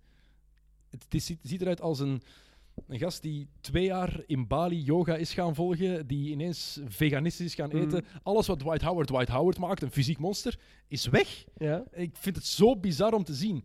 Ehm, maar het minder, spel... minder stress op die knieën. Ja, maar het spel is ook gewoon veranderd. Dwight Howard kan geen grote impact meer hebben in een NBA-seizoen. Ze gaan ze moeten tevreden stellen met minuten, want anders ga je ze, gaan ze disconnecten van de ploeg. Maar als de playoffs beginnen, Dwight Howard en JaVale McGee spelen samen nog geen 20 minuten per match. hè. Nee, dat is waar. En dat zit ook niet in de, in de beste line-up, de beste vijf, zit Dwight Howard ook niet in. En JaVale McGee ook niet. Nee, absoluut niet. Want ik snap dat niet. Ze hebben dan maandenlang kunnen voorbereiden met dit team. Ze wisten, Anthony Davis komt erbij. En toch was Anthony Davis op de center zetten geen goede optie, want hij wil dat zelf niet. Terwijl iedereen die een beetje basketbal kent en kijkt naar die match van de Lakers ziet, zet Davis op de 5, zet LeBron op de 4 en je hebt, een, je hebt een ploeg die zoveel beter wordt. Want LeBron op de points, Ja, dat gaat niet. Dat, dat blijft, niet, dat blijft niet, zeker op deze leeftijd niet meer, want Nee. het is altijd een, een point forward geweest. Hè, maar ik haat het ook als mensen spreken over LeBron kan alle vijf posities spelen. dat was ook jaren zo, hè? Ja, maar niet echt. Niet, niet, niet, niet. Dat, dat, dat, klinkt goed, maar niet echt. Maar En- het was wel jaren zo. Het is, Ja, het is bijna tien jaar zo geweest. Maar hij heeft nooit, hij heeft nooit alle, nee, dat is niet waar, want hij heeft nooit, hij heeft nooit op de center gestaan, hij heeft nooit die dingen gedaan. En hij is ook nooit een pure point geweest. Het is pure LeBron-bal. En daar vind ik het ook zo grappig als het hebben over LeBron gaat, meer als de bal spelen. Dat zeiden ze ook toen in Alonso ging samen spelen. Ja, dat heeft twee matchen en dan heeft hij gezegd, oh oké, terug naar mijn ding. LeBron kan zich ook gewoon niet zo goed aanpassen als mensen willen pretenderen steeds. Hij kan zijn manier van spelen, LeBron kan niet af de bal spelen. Punt aan de lijn. Het kan wel als hij zich in de post zet, maar dat doet hij te weinig tegenwoordig. Dat- Dat heeft hij wel, heeft dat, heeft dat vier, drie jaar gedaan, de onder. Spoelstra. Omdat, omdat Riley dan de top naar beneden is gekomen en gezegd, nee, ik LeBron, denk- Ik, denk dat dat puur, ik denk dat we Spoelstra onderschatten. Echt waar. Ik denk iedereen onderschat Spoelstra. Hij is een van de beste coaches in de NBA. Na Popovic zelfs de beste die daar nu rondloopt, denk ik. Ik denk dat... Ah, kijk wat Schneider dan de Jazz? Kijk eens wat, wat eh, Spoelstra gedaan heeft met het materiaal dat hij had de afgelopen jaren. Hij heeft vorig jaar Miami bijna naar de playoffs geleid. En die ploeg was echt niet goed. Zie wat hij, kijk wat hij nu doet met dit team. Jimmy Butler is er nog ineens bij. Spoelstra is een van de meest onderschatte coaches in de NBA. Heeft fantastisch geleerd onder Riley. Is tactisch enorm sterk. Heeft een heel goede impact op zijn spelers. Hij is de enige. Het zegt genoeg dat hij de enige is die LeBron in de paint heeft gekregen. Want Riley, je kan wel zeggen, het is een instructie. Riley is daar niet altijd bij. En er zijn genoeg spelers die dan zeggen van... Hey, Riles, fuck off. I do my thing. Riley gaat LeBron niet buiten smijten hoor. Mm, de reden dat LeBron vertrokken is bij Miami is omdat Riley niet meer concessies wou geven aan LeBron. De reden dat LeBron is vertrokken is omdat Dwayne Wade zijn knieën kapot waren. Ja, maar ook Dat hij wist, op- hier is geen kans meer op succes. We zijn net kapot gemaakt door San Antonio. Ik moet weg als ik wil winnen ergens anders. Hij moest, hij is naar Miami gegaan om zichzelf te laten valideren als kampioen. Hij Mhm. heeft zijn twee ringen gepakt en toen heeft hij terug gezegd, nu wil ik terug GM zijn. Dus jij bent een En- van die, eigenlijk ben jij een van die Kobe-lovers die redelijk anti-LeBron is. Mm, dat nee, is wat ik hier nee, zo'n klein beetje nee, maar ik vind wel dat je heel, je moet gewoon de grootste prestatie van LeBron is dat hij een enorm goede general manager is. En daar wordt eigenlijk heel weinig over gesproken. Het is, Hij is nog altijd een betere speler dan general manager. Hè? Laat Discu discutabel. discu discutabel. Maar ik. Nee, mag- nee, nee, met David Griffin. We zullen, we zullen, ik zal om al die vraag te antwoorden. mijn dief, mijn, mijn probleem met LeBron is gewoon zijn, zijn stijl en leiderschap. Het, altijd de passieve, agressieve Dat is een feit, ja. tweets, sociale media. Dus je hebt liever à la Kobe en Michael Jordan dat ze gewoon in your face zeggen van hey, ik heb, punk LeBron, ass. ik heb LeBron ook twee keer zien quitten. Ik heb hem zien quitten de eerste tijd met, met de Cavaliers tegen Boston. De series dat hij toen het jaar daarna naar Miami is gegaan, is hij gequit. Interesseert me niet wat iemand zegt, hij is toen gewoon gestopt. En ik heb hem zien quitten tegen de Mavericks. Dat is twee keer. Ik denk dat tegen de Mavericks dat het meer onkunde was in die serie dan quitten echt. Ah, he checked out. Ik denk Dat dat, is waar, dat is waar. Ik zeg het, eh, dat is ook, ook mijn argument altijd. Ik ben het daarmee eens. Hè. Ja, oké, je kan het Dus- benoemen, maar ik- dat zijn gewoon de dingen die ik persoonlijk van het, van het hoe ik de sport benader. En daarom zal ik ook Russell Westbrook tot, tot, tot, tot aan het bittere einde steunen. Hij is inderdaad eigenlijk een vrij domme basketballer, maar hij quit niet. En dat vind ik mooi. Dat vind ik het mooie Behalve aan in defense. LeBron is ook... Bal- dat- Behalve in defense dan Russell Westbrook. Want wat is de laatste, wanneer is de laatste keer dat hij echt verdedigd heeft? hij gaat alleen maar de- 2011? ja, hij gaat- hij gaat 2012? alleen maar de steal. hè. Kom Dat- op, Dat is ook gewoon heel de NBA. Dat is ook heel de NBA. Nee, dat is niet waar. Dat is niet waar. En LeBron, LeBron ook, wat me, wat me niet aanstaat, is hij heeft ook gewoon die nieuwe generatie ingeleid. We gaan ons nu 100% baseren op de stats. Dus je, ziet- je hebt LeBron nooit in zijn leven nog een half-court shot zien pakken op het einde van de klok. Hij houdt die bal gewoon bij voor zijn field goal percentage niet naar beneden te halen. Zo die kleine dingen. En, Ik en moet dat wel ik- zeggen, als het over half-court shots gaat, 95% van de NBA wacht tot die buzzer gaat en gooit die bal dan weg. Hè? sinds LeBron. Nou, ik weet Sinds het niet. Ik LeBron. ik weet het niet. Ik weet Sinds- het ik niet. vind hem gewoon, ik zeg het, ik hoop gewoon dat hij zijn streken tot een minimum kan beperken. Want de Laker Nation houdt niet, houdt niet van die dingen. Het is echt de Kobe-generatie hier, hoor. De, Kobe-fans van de Lakers. Het is Le- LeBron, als hij geen ringwin bij de Lakers zijn, is, dan zal het een, een absoluut fiasco zijn. Het is ring or bust. En bij de Lakers hangen ze geen conference titles op. Dat is, dat, eh, dat is waar. Dat laatste is waar. Ze hangen wel titels op die ze blijkbaar in een andere stad hebben gewonnen. Maar goed. Dat is nog van, van eh, Mi- Minnesota? Ja, van Minneapolis. Minneapolis, ja. Zo be- Dat ze die ophangen, dat is belachelijk, sorry. Ja, dat is echt- ja, dat is... Stop daarmee. In OKC hangt ook geen banner van de Supersonics, denk ik. Hè?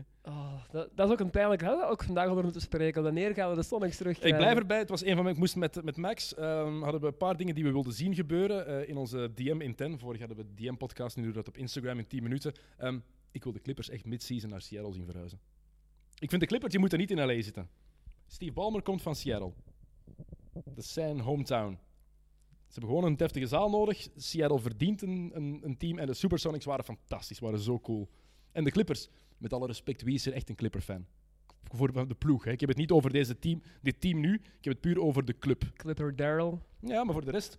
Wie gaat er klagen als ze naar, eh, als ze naar Seattle gaan? Niemand? Iedereen gaat... Kawhi, want Kawhi is naar daar gekomen om in LA te kunnen Dat is wonen. waar. Dat is waar. Dus die, en, en, en Paul George is ook een LA native. Ja, dat is Dus- waar. Dat, die twee gaan inderdaad niet Dus zo die content gaan dan zijn. zeggen, oh, ja maar jongens, echt? Maar het is, ja, ik zou heel graag terug een club in Seattle zien. De Supersonics met groen-geel. Ik vond het van, ja, fantastische shirt, Ja, fantastische ja, club. Dit is gewoon, het is ook gewoon een van die typische mythische clubs. Als je dat vergelijkt met, met bijvoorbeeld aan de, de, de, de Pelicans. Ja, dat, prikt een beetje. Ja, het prikt inderdaad een beetje. De basketbalcultuur is daar nog niet helemaal, eh, helemaal in. Eens kijken hoe lang we bezig zijn, want we kunnen meer dan een uur al, dus ik denk dat we hier stilaan moeten afronden. Eh, Ja, we hadden gezegd 45 Ja. minuten. Nou, ik, ik ga nog eens moeten terugkomen, want het toch nog een ta- Het was niet de eerste keer dat ik het heb gedaan, dus nu, nu, nu, nu kan ik de vorm net een beetje beter inschatten. Het is gewoon lullen. Het is gewoon Het is lullen. gewoon- Soms hebben we een heel vaste basis. Nu hadden we een paar topics en we kunnen heel veel uitwegen pakken. Oké, Lorenz, bedankt dat je even naar, eh, naar hier wilde komen. Eh, ik bedank jullie voor het luisteren, kijken wat het ook is. En eh, normaal gezien is er volgende week een nieuwe XNO's podcast. Dus tot dan. Ciao.